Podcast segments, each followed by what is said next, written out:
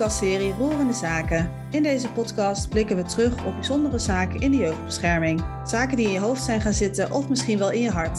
Deze podcast wordt gepresenteerd door Chantal Holwijn en mijzelf, Claire Dietz. Voordat we beginnen even een korte toelichting. Wij spreken allemaal op persoonlijke titel en respecteren de privacy van de mensen waarover we spreken. Daarnaast is het goed om te weten dat dit het verhaal is van een persoon die hierover vertelt en hoe hij of zij dit heeft beleefd.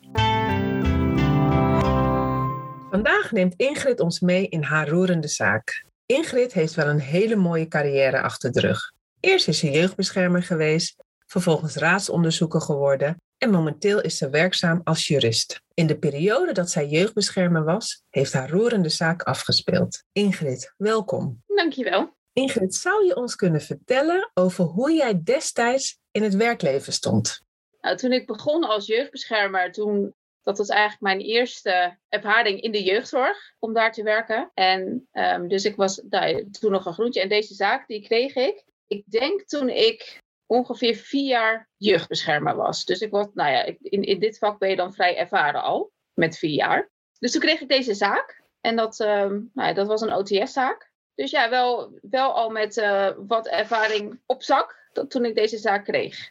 En je zei uh, groentje, betekent dat ook groen in de zin van leeftijd? Want je zet dus de eerste baan in de jeugdzorg. Moet ik dan denken aan midden twintig? Ja, ja. Oké. Okay. Misschien nog wel, oh dan moet ik even hard nadenken hoor. Ik denk dat het misschien nog wel wat jonger was. Dat ik 2 of 23 was toen ik begon. En toen vier jaar was je jeugdbeschermer en toen kwam deze zaak bij jou. Ja, klopt. Kan je vertellen hoe die binnen is gekomen? Nou, ik moet je heel eerlijk zeggen dat ik dat eigenlijk niet goed meer weet. Het was een eerste OTS, dus het was niet dat we hem eerst... Ik heb hem niet eerst in een vrijwillig kader gehad. Ik kreeg hem eigenlijk toen de OTS uitgesproken was, de taak werd uitgedeeld en ik kreeg die casus. Ja, zoiets vergeet je nooit meer. Ik belde moeder om een afspraak te maken. En toen zei ze, ik denk dat je later even terug moet bellen, want mijn vliezen breken. Oké. Okay. Dus toen heb ik later teruggebeld om een afspraak te maken. En die ondertoezichtstelling ging over het ongeboren kindje of over, het, over een ander kind? Ja, ook over, er waren drie kinderen in het, of tenminste twee kinderen en dus een ongeboren baby. De ondertoestelling was voor alle drie. En deze moeder, ik weet zeker, die is jou ook niet vergeten, dit telefoontje. Nee, zeker niet. Nee, ze hebben het in de jaren daarna echt nog wel een paar keer over gehad. Dat ze ook zei, nou, je bent nog net niet bij de geboorte geweest. maar uh, dat had niet veel gescheeld. En Ingrid, en wat aan, deze, aan, aan dit gezin heeft jou geroerd? Los van het aparte telefoontje natuurlijk. Ja, precies. Wat mij geroerd heeft, is dat, nou, ik weet niet of je het roeren kunt noemen, maar wat me heel erg bijgebleven is gewoon in deze kaas, is eigenlijk hoe belangrijk het is dat er een klik is tussen gezinsvoogd en gezin waar je in werkt. En er was één opmerking van deze moeder, die is me altijd bijgebleven en dat heeft me heel erg geroerd. Want zij zei na een paar jaar, zei ze: Jij bent de enige die, do die door mijn masker heen kan kijken. En dat is me altijd bijgebleven, omdat ik denk dat is ook waar ons werk over gaat. Want er is zo vaak dat we dat niet kunnen of dat we daar niet doorheen kunnen. En dan, dan, dan wil je heel veel, maar kun je soms niet altijd doen wat je zou willen doen. En dat masker, wat bedoelde deze moeder daarmee? Um, nou, dat ze het soms mooier voordeed dan dat het eigenlijk was. En ja, binnen dit gezin er speelde gewoon heel veel. Op, op vrij veel gebieden speelde er gewoon problematiek. Veel van onze cliënten die proberen het denk ik vaker net iets mooier te brengen dan dat het eigenlijk is. En dat is eigenlijk heel logisch, want niemand wil zijn vuile was buiten hangen. Ook niet binnen een ondertoezichtstelling, ook niet als diegene er is om je te helpen. Dus je probeert het toch iets mooier te maken dan het is. En deze moeder had ook psychiatrische problematiek. Uh, en ik prikte eigenlijk overal doorheen bij haar. En dat is wat zij bedoelde Tenminste, zo heb ik hem opgevat. Dat is wat zij bedoelde met: jij bent de enige die door dit masker heen prikt. Ja. En die me ziet. Mooi. En even om een beetje de context te schetsen van dan de situatie. Wat was er dan aan de hand en waarom was die OTS er? Want dat een ongeboren kind onder toezicht wordt gesteld, dat gebeurt niet zomaar. Nee. Kan je een beetje uitleggen wat de uh, aanleiding was? Wat ik gezien heb in de jaren dat ik er was, is dat er deze ouders die hadden drie kinderen. En dat was eigenlijk konden ze dat gewoon niet goed aan, omdat er ook nog eigen problematiek was. Vader was een, een ADHD'er en dat is natuurlijk op zich helemaal niet erg. Maar die zat eigenlijk vol met zijn eigen problematiek, waardoor zijn reactie naar de kinderen toe gewoon niet altijd oké was. Moeder had ook psychiatrische problematiek. Haar problematiek was misschien op het eerste gezicht iets minder ingewikkeld, maar de hele combinatie van het gezin waarbij de kinderen ook nou ja, gedrag vertonen, waar zij, zij hadden eigenlijk een hoger dan gemiddelde opvoedvraag. En deze ouders die konden eigenlijk alleen het gemiddelde bieden, laat ik het zo zeggen. Mhm. En dat was voor deze kinderen eigenlijk, het was steeds op het randje. Het was net goed genoeg en soms was het net niet goed genoeg. Maar hoe, hoe zag dat er dan uit? Want psychiatrische problemen, dat is natuurlijk vrij algemeen begrip. Wat zag je dan of wat gebeurde er? Nou, de dynamiek tussen ouders, die zag je. Eh, de ene keer ging, dat, ging het heel goed en dan was het weken rustig. En dan knalde het weer tussen ouders omdat zij het niet eens waren met elkaar. Of hij had weer iets gedaan of zij had weer iets gedaan. En dan was het weer, dan was het weer bonje. En dan hingen ze weer aan de lijn. En uiteindelijk toen ik begon met deze casus waren de ouders bij elkaar. Na verloop van tijd zijn ze uiteindelijk toch uit elkaar gegaan. En dat heeft toch ook wel weer rust gebracht. En dan kom je daar binnen, hè, Ingrid? Dus je, je komt daar binnen. Wat deed jij dan precies? Want die moeder die doet niet, die uitspraak doet ze niet zomaar, hè? Dus wat heb jij Nee. daarin meegebracht, waardoor deze moeder uiteindelijk naar jou heeft gekeken zoals ze heeft gedaan? Vind ik een lastige vraag, omdat ik niet goed misschien onder woorden kan brengen wat ik in deze casus anders heb gedaan dan in de andere casus. Want wat ik eigenlijk altijd gedaan heb, is gewoon mezelf zijn. En dat is dus, ja, wat ik zeg, dat doe ik. En wat ik doe, dat zeg ik. En vooral ook, ik, soms heb je mensen waarbij je denkt, hier moet ik het iets mooier inkleden. Dat hoefde bij deze mensen niet. Ik kon gewoon zeggen wat ik dacht. En als vader iets gedaan had waarvan ik dacht, ja, weet je, wat is het nou ook voor actie? Dan kon ik het ook gewoon zo tegen hem zeggen, weet je wel. Van, wat, wat is dit nou? Wat, waarom doe je dit nou weer? En andersom kon het ook. Hè. Zij konden dat bij mij ook doen. Het is niet dat ik dan verwacht dat zij op een, op een bepaalde manier reageren. Dus ik denk wat deze moeder heel erg geholpen heeft, is dat ik zei dat ik benoemde wat ik zag. En wat ik zag gebeuren. En ook wat ik soms voelde. Omdat mensen het niet uitspreken, maar ik dacht, er zit nog iets. Dus wat, ik, ik voel hier iets, maar het komt er niet uit. Dus wat is er dan nog meer? Wat, ja, wat, wat is er nu onuitgesproken waar toch nog iets zit? Of dat ik gewoon tegen haar zei, waar ik dacht dat bepaalde dingen vandaan kwam, kwamen. Uitspraken die ze deed of dingen die ze deed. Dat ik tegen haar zei, ja, maar hè, zou het dan hier of hierdoor kunnen komen? Of waar ik dan aan denk, hè, als ik jou dit hoor zeggen, is het dan zus of zo? Dit was een gezin waar ik vrij intensief betrokken bij was. Dus ik was er ook op het moment dat ze mij nodig hadden. Dat heeft deze moeder denk ik ook heel erg geholpen. Dat ik er gewoon was als ze belde. En dat het dan niet altijd was dat ik, eh, dat ik ook gewoon een luisterend oor bood. Dus dat het niet alleen maar was, hè, wat heb je, hoezo bel je me hiervoor? Of eh, dat ik gewoon luisterde naar wat zij wilde vertellen. Dat ik eruit liet razen als, als zij dat nodig had. En hetzelfde geldt voor vader, heb ik dat net zo goed gedaan. En ik denk dat dat ook heel helpend is. Niet altijd oordelen over een situatie, maar gewoon luisteren naar wat iemand je wil vertellen. Zonder dat er gelijk een, een, een preek uit voor moet komen of een advies of iets, maar gewoon luisteren. Ja, ze konden het van je hebben, hoor ik je ook zeggen. Ze accepteren dat ook. Ja, dat was dus, en, en dat is wat ik in het begin ook zei. Ik denk die, die klik die er is tussen gezinsvoogd en gezin, om het zo maar te zeggen. Ja, volgens mij is dat echt, om hem zwaar aan te zetten, van levensbelang. Ik denk als je dat niet hebt, dan kom je in een casus ook vaak niet zo ver als je zou willen komen. Ik denk dat matching echt wel heel belangrijk is. Was het naar jouw idee dan ook een goede match? Ja. Want deze moeder heeft dat wel dus zo ervaren. Maar zag jij dat ook? Zeker. Ja. En hoe was dat anders dan met andere zaken? Want ik hoor je aan de ene kant zeggen, ja, ik ben gewoon mezelf. Dus ik neem, eh, dat doe je ook in alle andere zaken. Hoe was dat dan toch in deze zaak anders? Ja, dat is een goede vraag.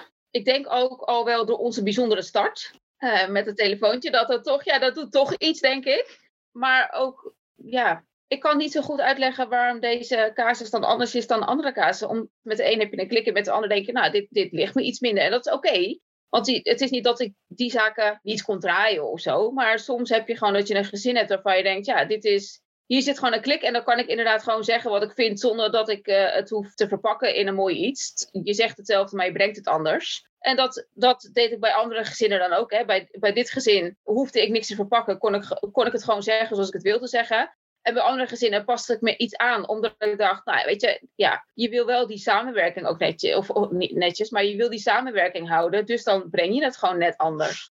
Nou, voor mij was het ook fijn dat ik dat in dit gezin niet hoefde te doen. Jullie konden alle, allemaal jullie zelf zijn, hoor ik je eigenlijk zeggen. Ja, precies. Ouders mochten zichzelf zijn zoals dat ze waren. En jij kon als persoon, maar ook als professional zijn wie je bent. En daarop vonden jullie elkaar.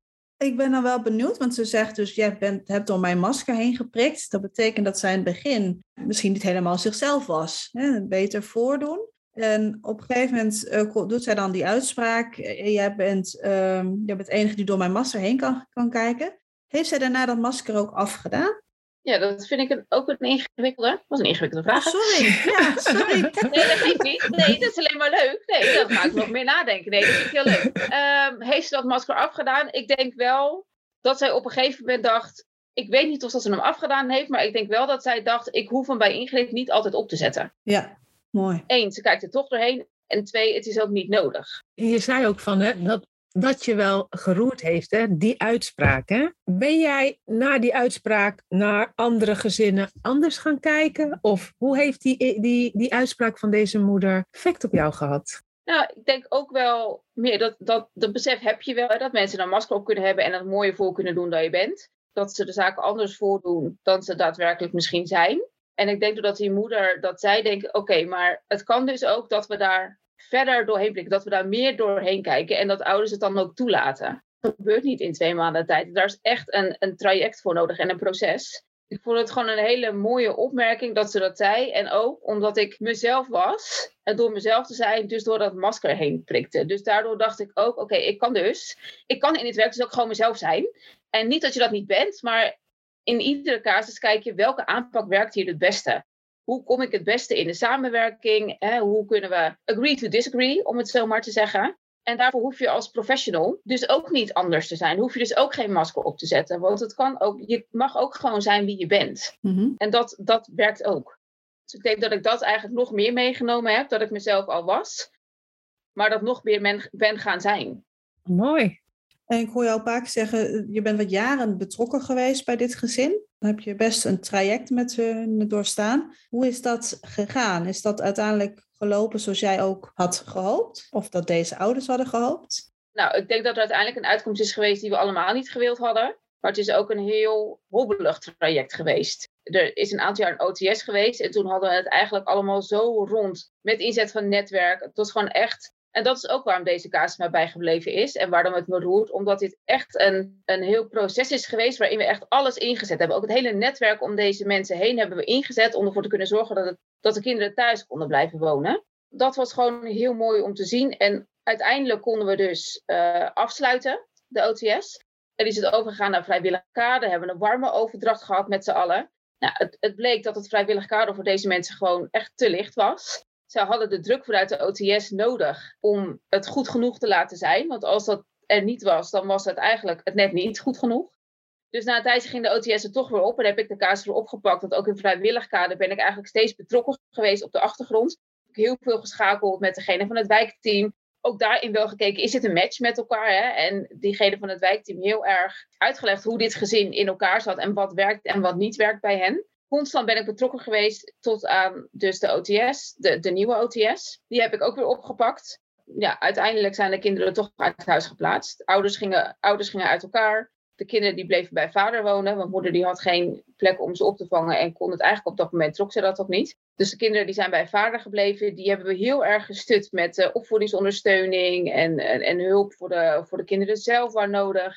Nou, en toen ben ik in 2018 raadonderzoeker geworden, maar tot aan 2018 ben ik betrokken geweest bij, deze, bij dit gezin. Dus even eh, voor mijn beeld. Dus de kinderen zijn uit huis geplaatst in zoverre naar vader toe. Nee, uiteindelijk zijn ze helemaal uit huis geplaatst. Volgens mij is de, is de oudste die is naar een woongroep gegaan of naar een gezinshuis. En de, oudste twee, of de jongste twee die zijn samen geplaatst in een pleeggezin volgens mij. En wat heeft dat gedaan met jullie samenwerking en het contact? Nou, ik was niet bij dat proces, want dat was na mijn vertrek. Oh, oké nou, in het hele traject zijn zij wel, uh, met instemming van ouders, hebben ze ook een tijd ergens anders gebleven. Bij mensen in, het dorp waar zij woonden. En eigenlijk gaf dat iedereen wel rust. De kinderen zagen ook hoe opvoeding op een andere manier kon. En ouders konden daar ook achter staan, omdat vader ook inzag: ik trek dit niet. Ik heb te veel aan mijn hoofd nu. Ik kan dit nu niet. En dat gaf voor iedereen eigenlijk wel rust. Maar goed, omdat het natuurlijk ook in hetzelfde dorp was, zien ze elkaar wel. Dus het is ook niet zo dat, dat er dan echt een hele vaste omgang was. Die was er, die was er wel, maar uiteindelijk nou ja, kwamen ze elkaar toch overal en nergens weer tegen. Want zo werkt het dan in het dorp.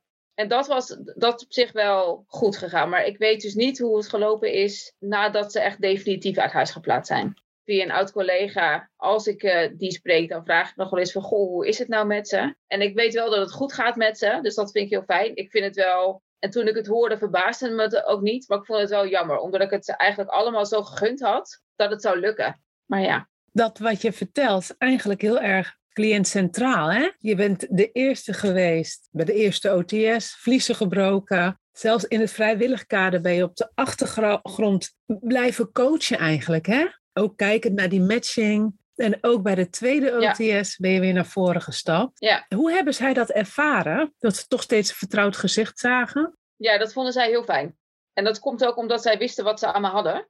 Dus dat vonden zij heel fijn, dat ik daar steeds bij betrokken was. En eigenlijk wilden ze ook niet dat ik in het vrijwillig kader er daar niet meer zou zijn. Dus heb ik gezegd, nou weet je, dan trek ik samen met diegene van het wijkteam, trek ik dan op. En dan kunnen we daarin samen overleggen. En, dus dat vonden zij heel fijn, want ze wilden me eigenlijk gewoon niet kwijt. En hoe is dat voor jou? Dat is natuurlijk wel heel fijn om te horen. Dat je het, want dat is uiteindelijk, nou, laat ik vanuit mezelf spreken, waar ik het voor doe. Dat je dus eigenlijk, en niet dat mensen je niet meer kwijt willen, want ze moeten uiteindelijk je natuurlijk wel kwijt willen, omdat het waar het om gaat. Zo kort mogelijk. Maar als het dan lang moet, vind ik het wel heel belangrijk dat er dan gewoon één gezicht is. En ik weet, het is echt een utopie. Maar dat ik in dit gezin wel vier jaar heb kunnen ondersteunen en heb kunnen begeleiden voor de kinderen en voor hen. Dat er een vast gezicht was. Ja, ook dat is, is zo belangrijk. En dan is het natuurlijk ook heel fijn om te horen dat dat wat je doet, dat dat ook werkt. En dat het aanslaat. En dat het dan uiteindelijk niet loopt zoals je eigenlijk allemaal wil dat is dan misschien makkelijker te accepteren, omdat je gezamenlijk het hele proces en het hele traject gelopen hebt en er echt alles aan gedaan hebt om ervoor te zorgen dat het daar niet op uitkomt. Dus dan, was, dan is dat makkelijker, in ieder geval voor mij, te accepteren, omdat ik dacht, maar meer dan dit hebben we ook niet kunnen doen. En als het op deze manier niet lukt, dan kunnen we ook niet meer anders dan een uithuisplaatsing.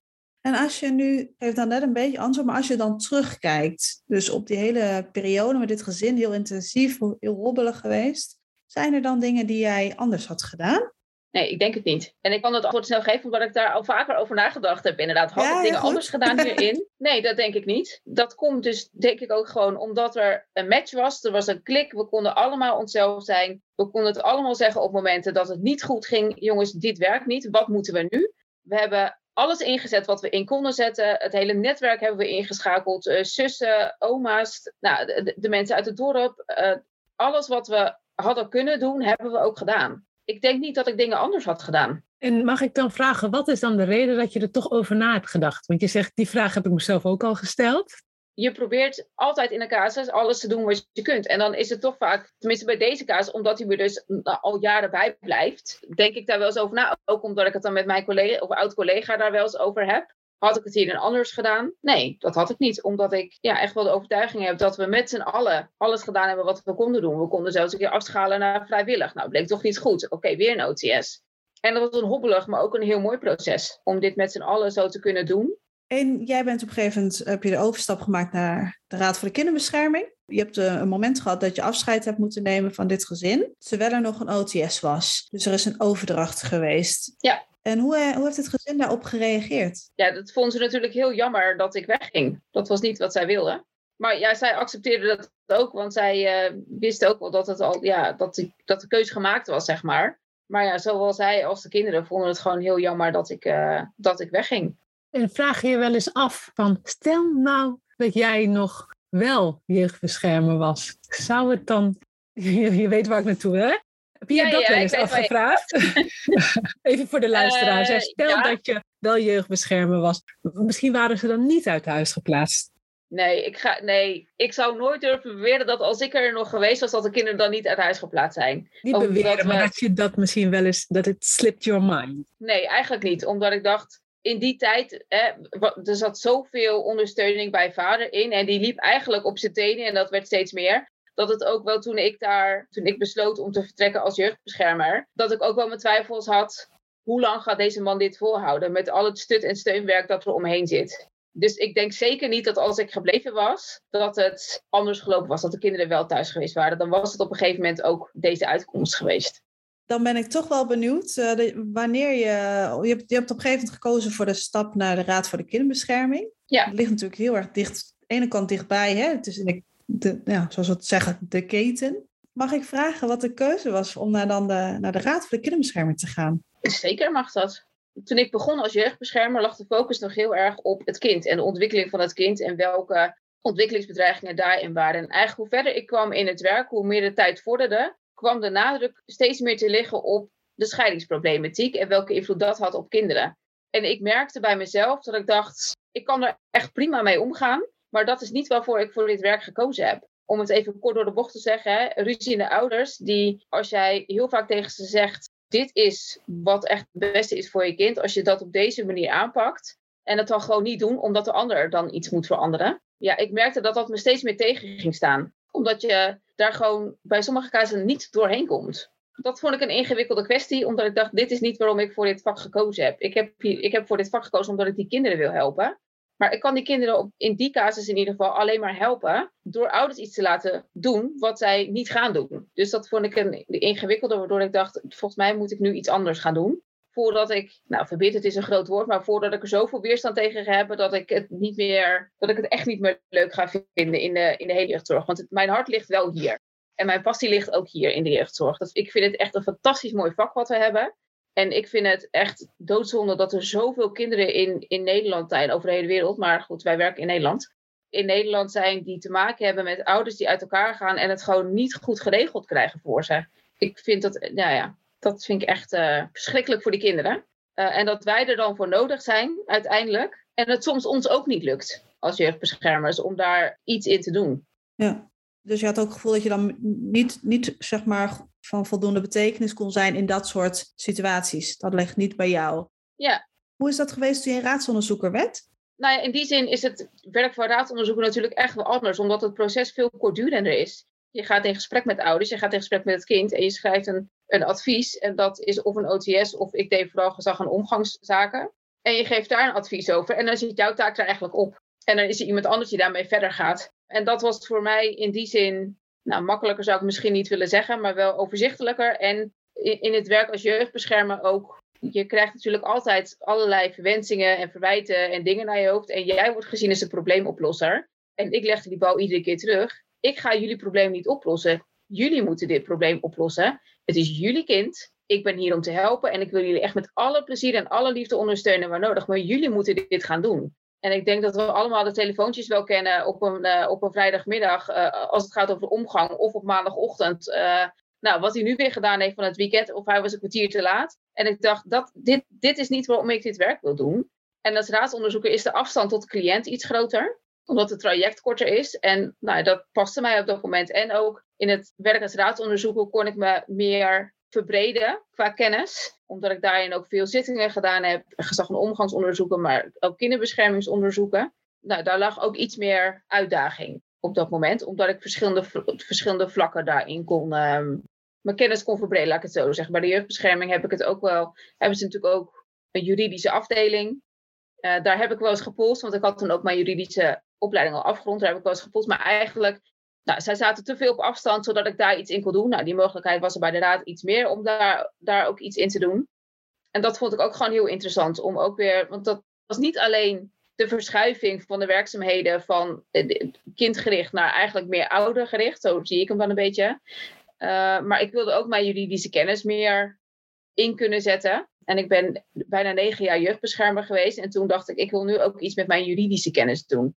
En dat kon ik bij de raad ook heel goed kwijt. Want in het begin zei je van, hier heb ik eigenlijk niet voor gekozen. Hè? Dit prachtige vak waar je met, met de kinderen ook bezig wil zijn. In plaats van ouders die het niet rondkrijgen met elkaar, ze uit elkaar gaan. En als raadsonderzoek en meer op afstand, haalde je daar dan nog wel de voldoening uit? Uh, ja, omdat het halen van de voldoening lag voor mij op dat moment ook bij uh, het juridische stuk. Ik heb negen jaar heb ik echt met hart en ziel mijn werk gedaan. En ook in de, in de echtscheidingszaken, want ook daarvoor maakte ik mijn hart. Ook daarvoor ging ik constant het gesprek met die ouders aan over van alles en nog wat. En na negen jaar dacht ik, ik ben er nu ook klaar voor om mijn juridische kennis in te zetten. Om daarin bij te dragen. Ja, en daarin bij te dragen, inderdaad. En niet alleen op, uh, op pedagogisch vlak, zeg maar.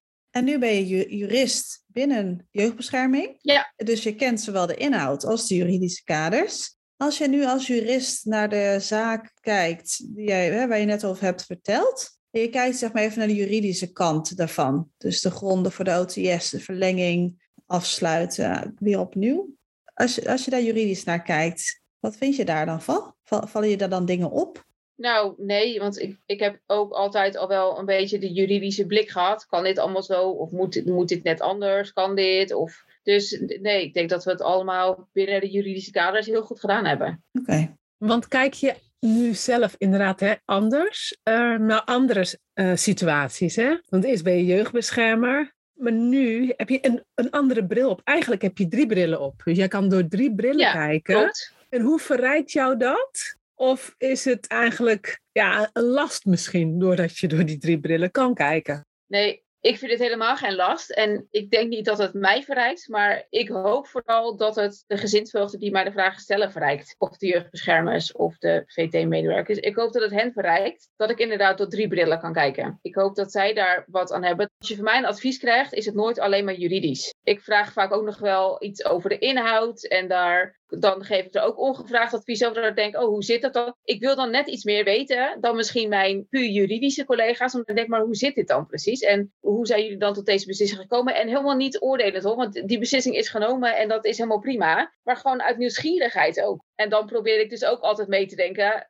Oké, ik snap, dit is eigenlijk helemaal niet wat je horen wil. Maar is er dan misschien toch nog een manier waarom je dan enigszins kunt komen waar je wil komen? Ik vind het in die zin voor mezelf een verrijking dat ik een brede visie heb. Dus niet alleen een puur juridische, of een puur praktische, of een puur inhoudelijke. Ik heb een brede visie en die probeer ik dan ook te delen met de jeugdbeschermer. Jij zei net van toen jij jeugdbeschermer was, toen wilde je ook al wat meer weten over juri- juridische kant. Heb je ook geprobeerd om met de jurist eh, in de organisatie contact te leggen? Daar was afstand, Ja. die voelde jij. Hoe geef jij daar invulling aan? Want als jurist ben je ondersteunend aan jeugdbeschermers. Even voor de luisteraars inderdaad. Jouw rol is vooral ondersteunend zijn in, eh, in de begeleiding en beslissingen die soms genomen moeten worden. Ja. Hoe ga jij om met die afstand of nabijheid? Wij zijn wat dat betreft eigenlijk heel makkelijk bereikbaar. We zijn regelmatig op kantoor. Een belletje wordt eigenlijk dezelfde dag nog beantwoord. En het, hetzelfde geldt eigenlijk voor de mail die gestuurd wordt. We proberen echt dat op diezelfde dag nog te beantwoorden. En daarin ook in de mail bijvoorbeeld geen afstand met het beste of iets dergelijks. Ik begin altijd met hoi of hallo. Of, eh, en niet te formeel te zijn in je mail. Zodat de afstand niet, niet gevoeld wordt. Want wat mij betreft is die er ook niet namelijk. Ik ben niks meer of minder dan dat zij zijn. Toevallig omdat ik een juridische opleiding heb. En als het gaat om juridische formuleringen, dan ga ik wel los in de verweerschriften of verzoekschriften die ik, eh, die ik nakijk. Dan eh, ga ik daar wel op los. Maar dat doe ik niet in mijn mails. Dan probeer ik het juist, het juridische, dat die droge stof, probeer ik juist zo niet droog te brengen, laat ik het zo zeggen. Want merk je dat, dat dat wat jullie doen, dat dat effect heeft aan de andere kant? Nou ja, in die zin dat ik in ieder geval wel vaak terug hoor, oh ja, hier, hier kan ik weer verder mee. Dus dan heeft het zeker effect. En dat is natuurlijk wat je wil. Dat jullie eigenlijk benaderbaar zijn. Dat hoor ik je eigenlijk zeggen. Jullie willen benaderbaar zijn, laagdrempelig. We zijn er. Ja, Was dat in jouw periode van jeugdbescherming, was dat anders? Als je nu kijkt hoe nu de juristen ondersteunend zijn en toen? Ja, nu je dat vraagt, ga ik erover nadenken. Was dat anders? Nou, de, de afstand was meer ook echt letterlijk. Omdat zij gewoon echt op een andere locatie zaten. En dat gebeurt natuurlijk wel vaker. Maar ja, ik had niet het idee dat zij moeilijk benaderbaar werden, waren. Maar zij waren wel gewoon heel druk. Maar ik bedoel meer op de inhoud ook, zeg maar. Hè? Ik bedoel, is het juridische aspect nu groter geworden op de inhoud, zeg maar? Speelt het een grotere rol in de nou ja, besluitvorming van jeugdbeschermers dan toen? Ja, dat denk ik wel. En waar ligt dat aan volgens jou?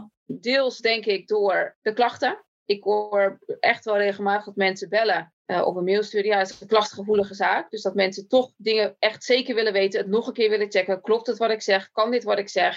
Eh, moet ik hier iets in? Moet ik hier niet iets in? Ik denk ook de mondigheid van de cliënt, wat ik overigens echt wel een goede ontwikkeling vind. Dat maakt soms ook dat jeugdbeschermers misschien gaan twijfelen of het toch nog even een keer na gaan vragen. Uh, of, nou, sommige dingen weten ze ook gewoon niet. En dat is ook logisch, want voor sommige dingen heb je gewoon juridische, heb je meer juridische kennis nodig. Dat zien wij ook wel in de toename van de hoeveelheid vragen. Ja, het is echt wel meer aan de orde van de dag dan toen ik jeugdbeschermer was. Ik kan mij niet herinneren dat ik heel vaak met de juridische afdeling gebeld had omdat ik een vraag had. En dat komt ook door een deels, hoor je zeggen, cliënten worden mondiger. Waardoor je ook als jeugdbeschermer misschien iets vaker moet nadenken of nog een keer moet feedback moet vragen. hey, doe ik het juiste? Doe ik het goed, juridisch gezien ook? Ja. Zijn de vraagstukken ook anders? En nu, weet je, je hebt natuurlijk het tuchtrecht. Er zijn allerlei andere dingen. Hè? Je zegt de cliënten zijn mondiger. Ja. En dat vind je positief, hoor ik jou ook zeggen. Ja, ik vind het zeker een positieve ontwikkeling dat cliënten mondiger zijn geworden. Ook omdat onze cliënten die hebben, denk ik, dat is een aanname, toch ook wel vaak de indruk, oh nou komt er een gezinsvulg, dan moet ik wel doen wat diegene zegt. En zo werkt het natuurlijk niet helemaal. Over het algemeen proberen we, denk ik als jeugdbeschermers, alles zoveel mogelijk in samenwerking met ouders te doen. En je hebt ook gewoon casussen waarin je, die casussen heb ik ook, die heb ik ook gehad, waarin je het niet met elkaar eens bent. Maar uiteindelijk gebeurt het wel op de manier van de gezinsvulg, omdat dat op dat moment het, meest in het belang van het kind is. Persoonlijk ben ik ook niet iemand die um, een blad voor de mond neemt of die de dingen niet zegt omdat ze denkt, nou, uh, laat ik dat maar niet doen. Dus ik vind het Ik vind het helemaal geen slechte ontwikkeling dat cliënten mondiger zijn. Ik vind alleen de manier waarop zij mondiger worden, dat is niet altijd een goede ontwikkeling. Je hebt als jurist ook de start van het tuchtrecht ook natuurlijk meegemaakt dan. Hè? Als jurist de overgang, dat we in één keer een SKJ hadden, tuchtrecht, SKJ, AKJ. Dat roept bij jeugdbeschermers soms heel veel natuurlijk ook stress op of onzekerheid. Zie je ook dat jeugdbeschermers daar inmiddels beter mee om kunnen gaan? Misschien juist ook met betere ondersteuning van juristen? Of is het allemaal nog heel erg eigenlijk de handen in de lucht? Ik, ik, ik vind het allemaal heel spannend en eng. Wat ik merk is dat dat vooral ook persoonsgebonden is. Want de ene die denkt, joh, het, uh, prima, laat maar komen. En de andere die denkt, die wordt daar heel zenuwachtig van. Ik denk niet dat we zozeer kunnen zeggen dat het, een, dat het een of het andere een trend is, maar dat het, heel, dat het gewoon ligt aan de jeugdbeschermer zelf. Want de een wordt er inderdaad zenuwachtig van en de ander die denkt, nou uh, prima, ik ga er wel zitten. Maar als we zeg maar even terug kunnen naar de periode hè, dat jij betrokken was bij uh, jouw gezin en als jeugdbeschermer. De momenten dat het tussen jullie clashte, is daar wel eens een moment geweest dat ouders riepen: Ja, ik, uh, Ingrid, ik ben het niet met je eens, ik ga een klacht indienen. Of dat jij zei: Joh, ouders, hier is de AKJ. Hoe ging dat? Nog nooit. Hebben we het nog nooit gezegd. Nog nooit? Nee, dat, nou moet ik zeggen, dat was 2018 natuurlijk, dus het was ook nog niet. Alhoewel, 2013 was begonnen natuurlijk. Maar nee, dat hebben ze nog nooit gezegd. Nee, ik denk dat dat, dat was dus echt ook gewoon, we konden elkaar de waarheid zeggen waar nodig. En daarna was het gewoon weer oké, omdat we precies wisten wat we aan elkaar hadden. Uh, en natuurlijk heb je het er nog wel over. Hè? Of soms dan zijn er, er zijn echt vast wel inderdaad momenten geweest op het klesten. En dan dat we dachten, nou, uh, maar dan was het even gewoon een paar dagen niet als het niet nodig was. En dan belden we elkaar weer van, joh, hè, zijn we weer oké? Is het allemaal weer rustig? Ik ben de professional, dus ik stap daar sowieso overheen. Maar ik kan me voorstellen dat het bij hen natuurlijk net even anders ligt kende bijvoorbeeld deze moeder. Als het maandagochtend was, dan was het eigenlijk standaard dat zij belde om negen uur. En ik dacht, deze laat ik even gaan, want ik weet waarom zij belt. En dan belde ik er om een één uur of zo, belde ik weer terug. Nou, dan was het allemaal weer wat gezakt. En dan kon ze weer, dan kon ze in ieder geval rustiger het gesprek aan, als ik om negen uur die telefoon had opgenomen. Nee, ik heb hen nog nooit horen zeggen tegen mij, of ik heb het verdrongen. Maar ik heb hen nog nooit horen zeggen, nou, nu ben ik het echt zo met je oneens, nu wil ik een klacht tegen je indienen. Dat heb ik ze nog nooit horen zeggen. En als er dingen waren, als er dingen speelden, dan liet ik ze afkoelen en dan belde ik ze. En dan zei ik, nou, vorige keer ging niet helemaal oké. Nee, nee, nee, dat is waar. Ja, sorry, dat had ik ook niet zo moeten zeggen. Of dat had ik anders. Of, uh... En dat was misschien van mijn kant ook wel, hè, dat ik zei, nou, misschien had ik het ook anders kunnen bedenken. Op een ander moment kunnen bellen. Of, uh... dat verliep eigenlijk ook gewoon vrij natuurlijk. Het is eigenlijk gewoon elke keer weer aftasten en ook een stukje weer reflecteren naar elkaar. Hè? Van, het is geweest, we hebben zo gehandeld, ik heb dit gedaan, ik had het anders kunnen doen. Eigenlijk gewoon die, die transparantie. Ja, het idee dat jij, dat ouders, doordat jij betrokken bent geweest en jouw manier van zijn, de samenwerking met hen, heeft gemaakt dat zij een positiever beeld hebben van de jeugdbescherming of hulpverlening? Dat hoop ik wel. Vaak hoor je toch dat mensen bang zijn, hè? Ja, in iedere casus waar ik kwam, zei ik ook altijd, ja, ik wil hier liever ook niet zijn. Maar deze zorgen liggen er, wat vind je daarvan? En als jij vindt dat het niet waar is, laten we dan kijken, hoe kan ik zo snel mogelijk weer weg zijn? Dat is eigenlijk vaak hoe, in verschillende varianten natuurlijk, maar dat is vaak wel hoe ik het bracht, ja. En dan kom je in die gezamenlijkheid, hè? Dus we moeten het met elkaar doen. Dan hoop je inderdaad in die gezamenlijkheid te komen, maar dat werkt natuurlijk ook niet altijd. Soms heb je ook gewoon zaken waarin je, op welke manier je het ook probeert, niet verder komt. Maar in deze zaak gelukkig wel. Mooi, ja, gelukkig. Is er nog een laatste boodschap die jij aan de jeugdbeschermers van nu, of de mensen die misschien nu de overstap willen maken naar jeugdbeschermers, wat je ze mee wil geven? Blijf jezelf en geloof ook in jezelf. En in de kennis en de kunde die je hebt en de ervaring. En dan niet zozeer de ervaring in het jeugdbeschermingswerk, maar wel de levenservaring die je hebt. Iedereen neemt iets mee. Blijf jezelf en vertrouw op jezelf. Ik denk dat dat het allerbelangrijkste is. Wat zou je aan ouders mee willen geven? Ik denk ook voor ouders, blijf jezelf. Jeugdbeschermers zijn er om je te helpen en niet om je tegen te werken. En diezelfde boodschap geldt natuurlijk voor de jongeren. Ook daarvoor geldt, die zitten natuurlijk ook heel vaak in de weerstand. En daarvoor geldt ook, wees jezelf, zeg waar je tegenaan loopt. En dan proberen wij als jeugdbeschermers om, om jullie zo goed mogelijk te helpen.